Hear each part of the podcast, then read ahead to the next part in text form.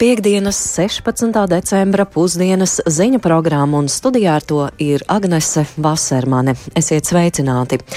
Tūdaļ plašāk par šādām aktualitātēm. Ukrainā jauni Krievijas raķešus triecieni, vairākos apgabalos dzirdami sprādzieni te ir patiešām ļoti, ļoti daudz cilvēku, un viena daļa ir nākuši jau ar saviem paklājiņiem un pārlaiž uzlidojumu laiku. Tā mūsu speciāla korespondente Kijivā. Latvijā Rēzeknē par gandrīz 200 eiro palielina ikmēneša uzturēšanās maksu pansionātā cilvēka pensija, pieņemsim, ir 400 eiro. No šiem 400 eiro 15% ir cilvēkam kabatas naudiņa, pārējā summa aiziet par uh, uzturēšanos uh, sociālās aprūpes centrā. Jebkurā gadījumā tas ir sloks pašvaldībai. Un startē labdarības maratons dod pieci Ukrainas bēgļu bērnu atbalstam. Arī par to tūdaļ plašāk raidījumā.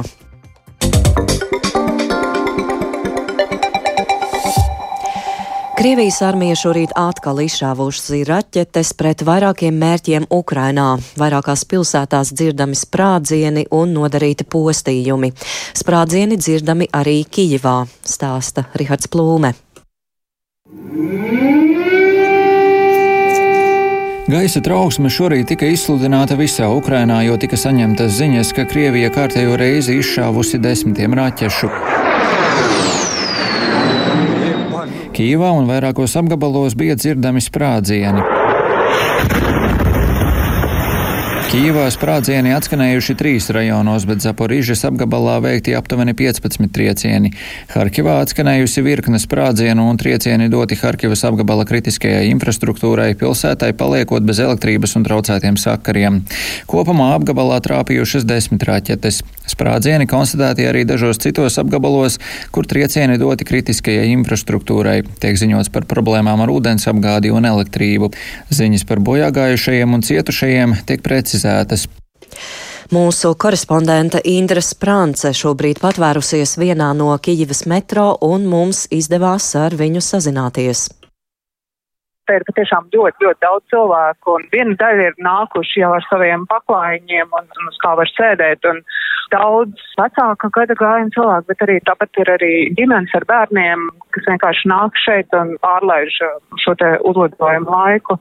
Cilvēki ir um, mierīgi, bet uh, nu, vienlaikus ir, nu, viņiem šis nav pirmais uzlidojums, un patiešām daudz ir paņēmuši līdzi, ko, ko lasīt. Viena daļa sēž uh, telefonos, internets vēl joprojām pagaidām ir. Manā dzīvē bija gan tas uh, dzirdams kaut kādas sprādzienu trosmas un pazud elektrība. Man te jāsaka, ka es biju salīdzinoši tādā labākā stāvoklī nekā citu Kīvas iedzīvotāju, jo viņiem visu šo laiku bija regulāri atslēgumi. Man nebija pat uh, regulāri atslēgumi, tā ka man pirmo reizi šo te nedēļu laikā, kopš es esmu Kīvā ir pazudusi elektrība. Visi sēž telefonos, te nav iekšpusē nekas nav dzirdēts no ārpuses. Darbojas apziņošanas sistēma, proti, ka ir gaisa trauksme. Lejā, ka nekas nav dzirdams. Ir vēl viena daļa drosminieku, kas kā pulcējās pie pašas metro ieejas, sēž pie kā pīpē un, un vienkārši laukā ļoti tuvā attālumā metro stacijai vienkārši cenšas uh, pārlaist. Ja nu kas kaut kas viņus skriet iekšā, vienkārši viņiem vieglāk ir tur to visu pavadīt. Izskatās, ka šodien ir tā situācija mazliet sarežģītāka nekā, man liekas, bija divas dienas atpakaļ, kad veiksmīgi tika neutralizēti visi šie dronu uzbrukumi elektrība pazuda un, un vienlaiks ir arī tā informācija, kas uz šobrīd ir pieejama, liecina, ka ir plašāks tas uzbrukums no dažādiem rajoniem pienāk informācija par iespējamiem vai strādieniem līdzīgam skaņā. Tā mūsu korespondente Kijivā un turpinot par kāru, Ukraina turpina darbu pie pretgaisa aizsardzības stiprināšanas, un Ukrainas aizsardzības ministrs Oleksijas Rezņikovs ir izteicies, ka Ukraina spējusi paaugstināt savas pretgaisa aizsardzības efektivitāti līdz pat 80%. Tikmēr Ukrainas prezidents Volodimirs Zelenskis ikvakar uzrunā norādīja, ka Donbosā turpinās nežēlīgi Krievijas uzbrukumi. Turpina Rihards Plūme.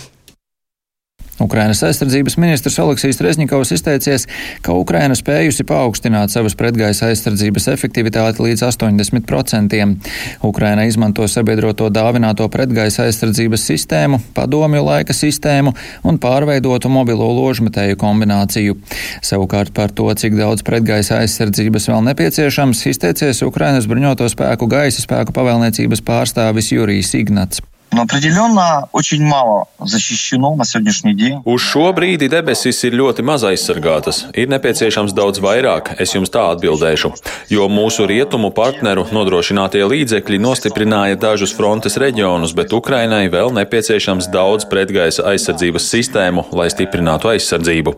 Šodien ieroču mugurkauls joprojām ir vecās padomju sistēmas. Tās ir BUK, M1. S-300.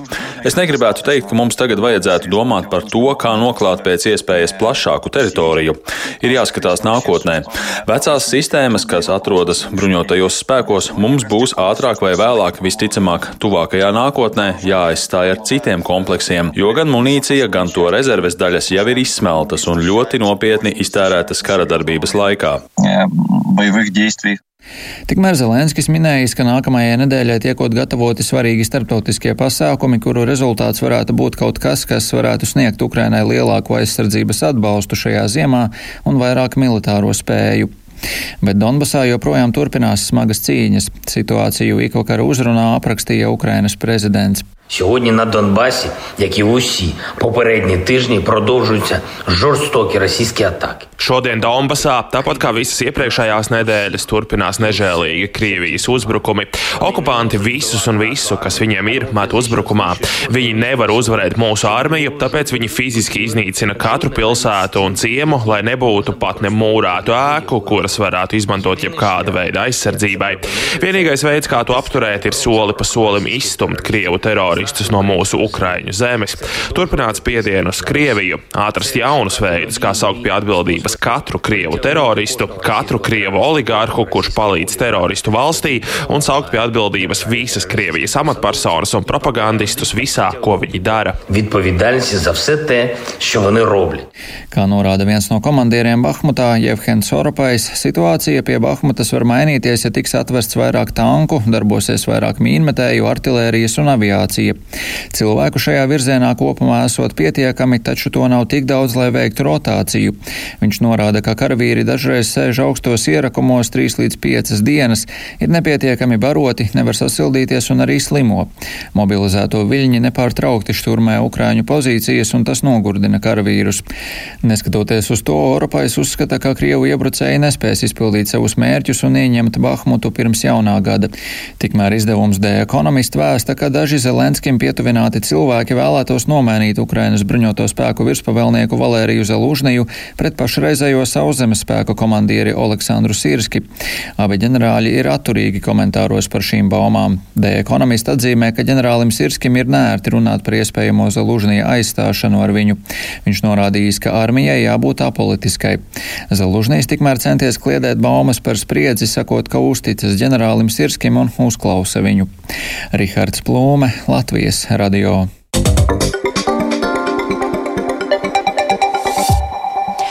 Un pie norisēm mūsu valstī Reizeknē no nākamā gada pieaugs uzturēšanās maksa Reizeknes pansionātā. Arī Reizeknes novadā jau drīzumā lems par izmaiņām sociālo iestāžu cenrāžos. Pašvaldībā slēš, ka energoresursu un arī pārtikas cenu kāpums nesīs budžetam papildu finanšu slogu. Vairāk par to Ivetas Čigānes sagatavotajā ierakstā. Rezeknē ar nākamo gadu pieaugs maksa par uzturēšanos pašvaldības pansionātā. Tāpat tiks atcelta arī iestādē pašlaik spēkā esošā 13% atlaide pilsētā deklarētajiem iedzīvotājiem. Kā uzsver Rezeknes sociālā dienesta vadītājs Gunārs Arvidāns, pašlaik pansionātā uzturas 213 klienti, un līdz šim Rezeknes pansionāts bijis viens no lētākajiem Latgalē, taču no nākamā gada izmaksas mēnesī pieaugs gandrīz par 200 eiro. Būs 707 eiro un 10 centi mēnesī. Par šo gadu bija maksas pakalpojums ar atlaidi 13% pašvaldības iedzīvotājiem, senioriem un cilvēkiem ar invaliditāti bija 530, citu pašvaldību iedzīvotājiem bija 612,86 centi. Latvijas civilikumā noteikts, ka par vecākiem jārūpējas viņu apgādniekiem, proti bērniem. Tas nozīmē, ka bērniem ir arī jānodrošina līdzfinansējums par vecāku uzturēšanos pansionātā. Gunārs Arbidāns atzīst, ka visbiežāk tomēr par to maksā pats klients, bet pārējo sec pašvaldība. Ja ņemam uh, to ciparu, cik uh, maksā paši klienti, ja piedzīvotāji pansionāti un apgādnieki, tad no, tātad no 213 tie ir 50 cilvēki. Un daļēji maksu par pakalpojumu veids 18 cilvēki personas. Pārējiem, lai pilnu summu piemaksā pašvaldība. Energoresursu sadārdzinājums, produktu, medikamentu cenu kāpums nepajokam satrauc Reizeknas noda sociālā dienesta vadītāju Silviju Strankali. Viņa uzsver, ka pašlaik runāt par to, cik lielas būs izmaksas sociālās aprūpes centrā, ir pāragri, taču jau tagad skaidrs, ka tieši pašvaldībai tas būs liels sloks. Reizeknas novadā mums ir uh, trīs tādas iestādes. Reizeknas novada sociālās aprūpes centrs ar trim struktūrvienībām - Strūžāni, Pilcene un Malta.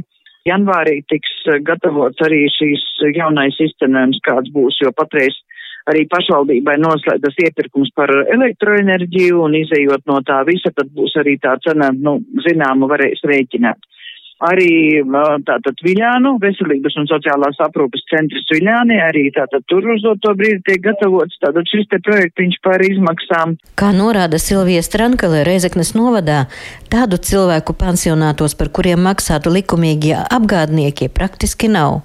Pašlaik sociālās aprūpes centrā mēneša uzturēšanās maksā 996 eiro jebkurā gadījumā tas ir sloks uh, pašvaldībai. Nu, ja cilvēka pensija, pieņemsim, ir 400 eiro, jā, no šiem 400 eiro 15% ir cilvēkam kabatas naudiņa, pārējā summa aiziet par uh, uzturēšanos uh, sociālās aprūpes centrā. Un, ja izmaksas ir 996, tā visa pārējā summa, tad to pašvaldība piemaksā par šo cilvēku. Pašlaik pansionātos Latgalē brīvu vietu nav. Rēzaknes novada sociālais dienests meklē izmitināšanas vietu astoņiem novada iedzīvotājiem. Iveta Čigāni, Latvijas radio studija Latgalē. Kā uzsver Latvijas pašvaldību savienībā, visdrīzāk lielākā daļa pašvaldību uz kopējā energoresursu cenu kāpumu fona būs spiestas palielināt maksu sociālajās iestādēs, un pieaugs arī maksa par citiem sociālajiem pakalpojumiem. Šo situāciju komentē Latvijas pašvaldību savienības pārstāve Ilze Rudzīte.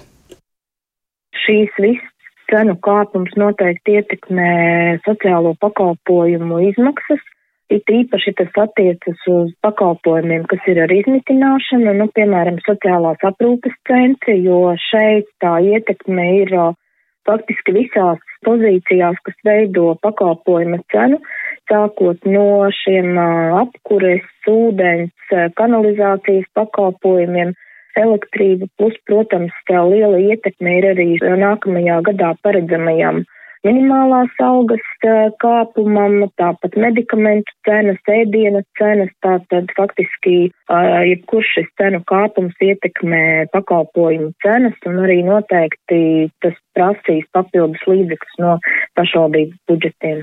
Cik man ir zināms, tad uh, daļā pašvaldību jau ir pieņēmušas lēmumus par uh, cenu pārskatīšanu, un tad noteikti ir uh, jārunā ar jauno labklājības ministru, par tām iespējām, kādas tad ir, lai nodrošinātu pakalpojumu nepārtrauktību.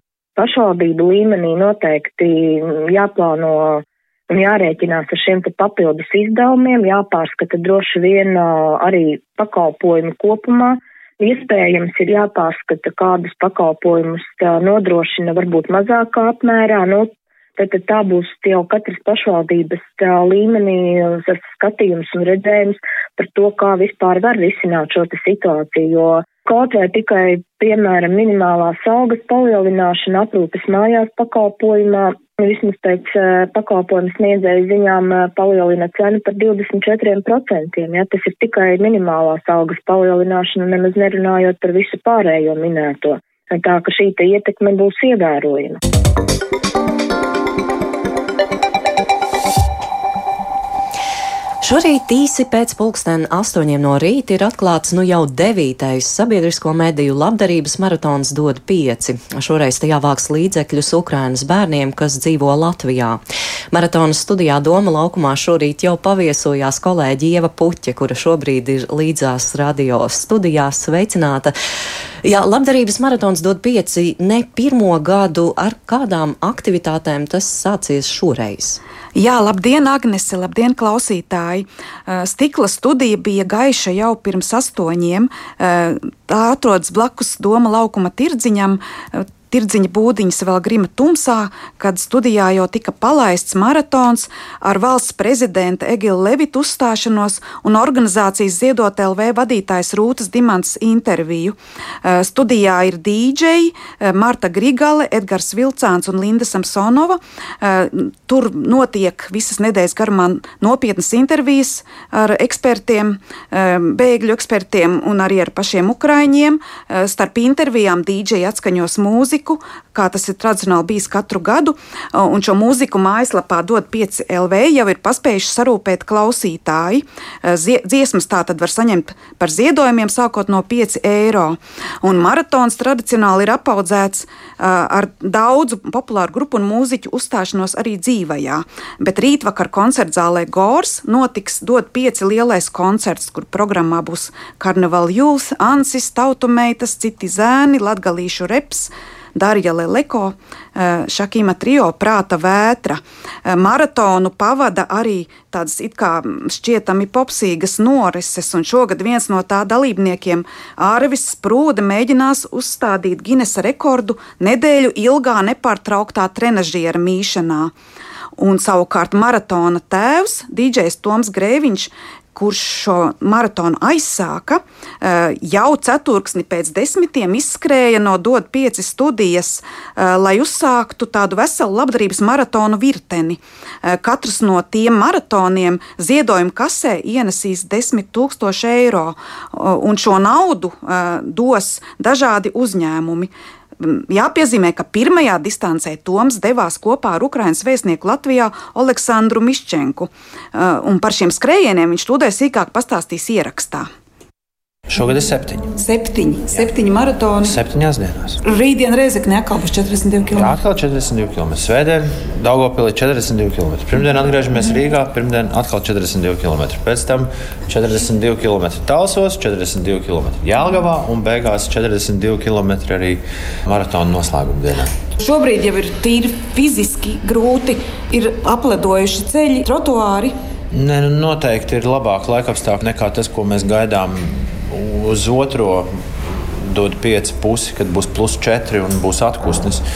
Mana cerība būtu drīzāk, ka šie mīnusi kaut kādā mistiskā veidā noturēsies un vēl paliks. Jā, tad, tad dzirdējām maratona tēvu Tomu Grēviņu. Eh, šogad tātad labdarības maratonā vāks naudu Ukraiņu bērniem Latvijā. Ieva, vai ir zināms sīkāk, kā tieši šos ziedojumus izmantos? Jā, Agnese, tāpat kā katru gadu par saziedoto naudu gādās pieredzējusi organizācija Ziedot, Ziedot LV un pie lodziņa dod pieci studijā Doma laukumā no desmitiem rītā līdz desmitiem vakarā uz maiņām visu nedēļu dežurēs Ziedot LV darbinieki cilvēki, un arī viņiem tas ir maratons. Viņi jau ir sākuši izskatīt, dod pieci mājaslapā saņemtos iesniegumus, ko raksta Ukrāņu bēgļi Latvijā, kuriem ir bērni. Vakar esot saņemti 65 šādi iesniegumi, bet pirmais ziedojums Doma laukuma punktā bijis 50 eiro ar karti, ko ziedojas kāda sieviete, kas gribējusi, lai radio pieci atskaņo circenīša Ziemassvētkus. Vēl garām ejoša meitene iemetusi 10 eiro un teikusi, ka viņai pretīm neko nevajag, un tad vēl kāda meitene ir atnesusi kastīti ar centiem, uz kuras bijis rakstīts dod pieci. Tā tad nav šī summa pat nav tik svarīga kā šī, šī labā doma, šis vēlējums. Bet, protams, Ukrāņu bērniem ir daudzas praktiskas vajadzības, un par to, ko tieši lūdz, kas ir rakstīts šajos iesniegumos, sīkāk pastāstīs uh, Ziedot LV darbiniece Baiva Drone, kas arī strādā šajā akcijā jau no pirmā maratona. Tātad klausāmies Baibu Droni. Ļoti praktiskas lietas, un es arī ar ļoti daudziem līdz šim esmu runājis bērniem, lai viņi varētu attālināt mācīties, trūkst planšetes, datori, prasa pārtiku, prasa ziemas zābakus, prasa lelli. Un ir arī globālas lietas, ko bērni prasa. Un viņi prasa, lai beigtos karš, lai viņi var atgriezties mājās. Visbriesmīgākais ir, ka viņi arī saka, ka viņi vēlās, lai Ziemassvētkos nomirtu Putins. Jā, nu šādi laiki. Paldies tik tālu arī par šā gada labdarības maratonu dod pieci, kas atklāts šorīt un turpināsies līdz 22. decembrim. Par to vairāk mums pastāstīja paldies Ieva Puķe kolēģe. Savukārt ziedot Ukraiņu bērniem Latvijā var arī mājas lapā ziedot LV. Un skatāmies, ka šobrīd saziedojuši jau gandrīz 4000 cilvēku.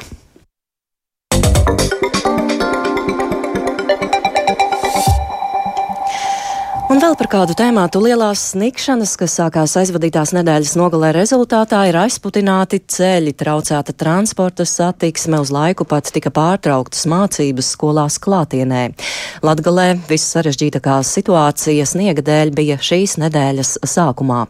Plašāk par to Ivetas Čigānas ierakstā. Labrīt, Latvijas radio. Cik ir kādi ceļi? Var bērnus atvest? Mm, manā maršrutā, kur brauc, ir burvīgi ceļi. Kas par maršrutu? Cirmas pagasts, cirmas pagasts, jā. Lauku ceļi iztīrīti, jā. Varbūt kaut kur vietām, bet es neesmu no tiem, kas čīkstēs. Ceturtdienas rītā pie Ludzas pilsētas vidusskolas, kur mācās ap 500 bērnu, viens pēc otra piebrauc skolēnu autobusi, kas pa sniegotiem ceļiem atgādā uz pilsētu bērnus no lauku pagastiem. Lūdzas novadā ir deviņas skolas. Agrāk skolu laukos bija daudz vairāk, un tagad no tām vietām, kur mācību iestādes gadu gaitā tika slēgtas, skolēni uz tuvāko skolu tiek vesti ar autobusiem. Lūdzas novadā ikdienu 28 maršrutos dodas 22 autobusi. Kā uzsver Lūdzas novada domas priekšsēdētājs Edgars Mekšs, pašvaldības prioritāte ir tieši tiem ceļiem, pa kuriem brauc skolēnu autobusi. Sniegšana bija ļoti intensīva.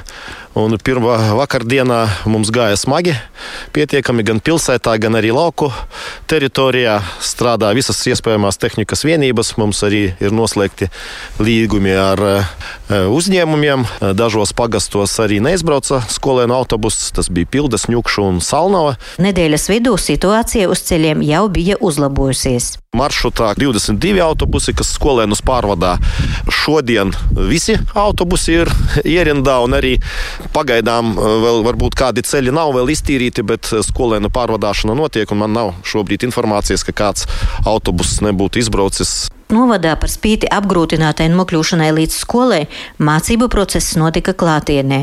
Savukārt Reizeknes novadā snikšana nedēļas sākumā kardinālāk ietekmēja vairāku mācību iestāžu darbu. Taču, kā uzsver Reizeknes novada izglītības pārvaldes vadītājs Gunters Skudra, sniegs ziemā jau nav nekas īpašs, un mācību iestādes nepieciešamības gadījumā pašlaik var veikt mācības arī attālināti.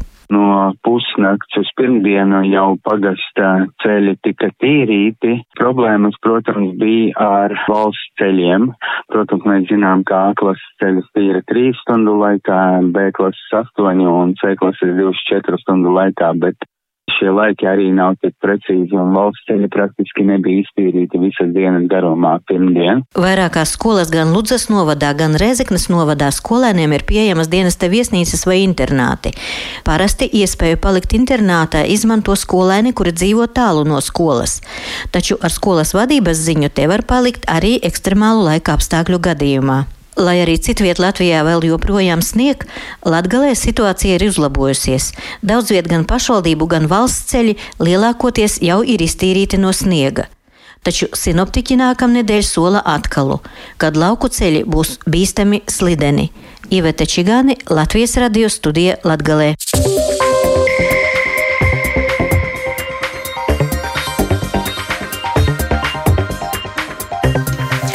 Ar to arī izskan piekdienas 16. decembra pusdienas ziņu programma. Producents Viktors Pupiks ierakstas montēja Uldis Grīnbergs, pieskaņa pulcīveta zvejniece, studijā Agnese Vasermane. Vēlreiz par svarīgāko. Ukrainā jauni Krievijas raķešu triecieni, vairākos apgabalos dzirdami sprādzieni, gaisa trauksme arī Kīvā. Ukrainas prezidents Volodimirs Zelenskis norāda, ka Donbasā turpinās nežēlīgi Krievijas uzbrukumi. Reizeknē par gandrīz 200 eiro palielinās ikmēneša uzturēšanās maksu pansionātā. Liels sloks pašvaldībai. Un ar triju Latvijas radio pieci dīdžeju simbolisku ieslēgšanos speciāli izbūvētā stikla studijā Doma laukumā sācies septiņu dienu labdarības maratons dod pieci. Šoreiz tā laikā vāks ziedojumus Ukrainas bēgļu bērniem Latvijā. Yeah.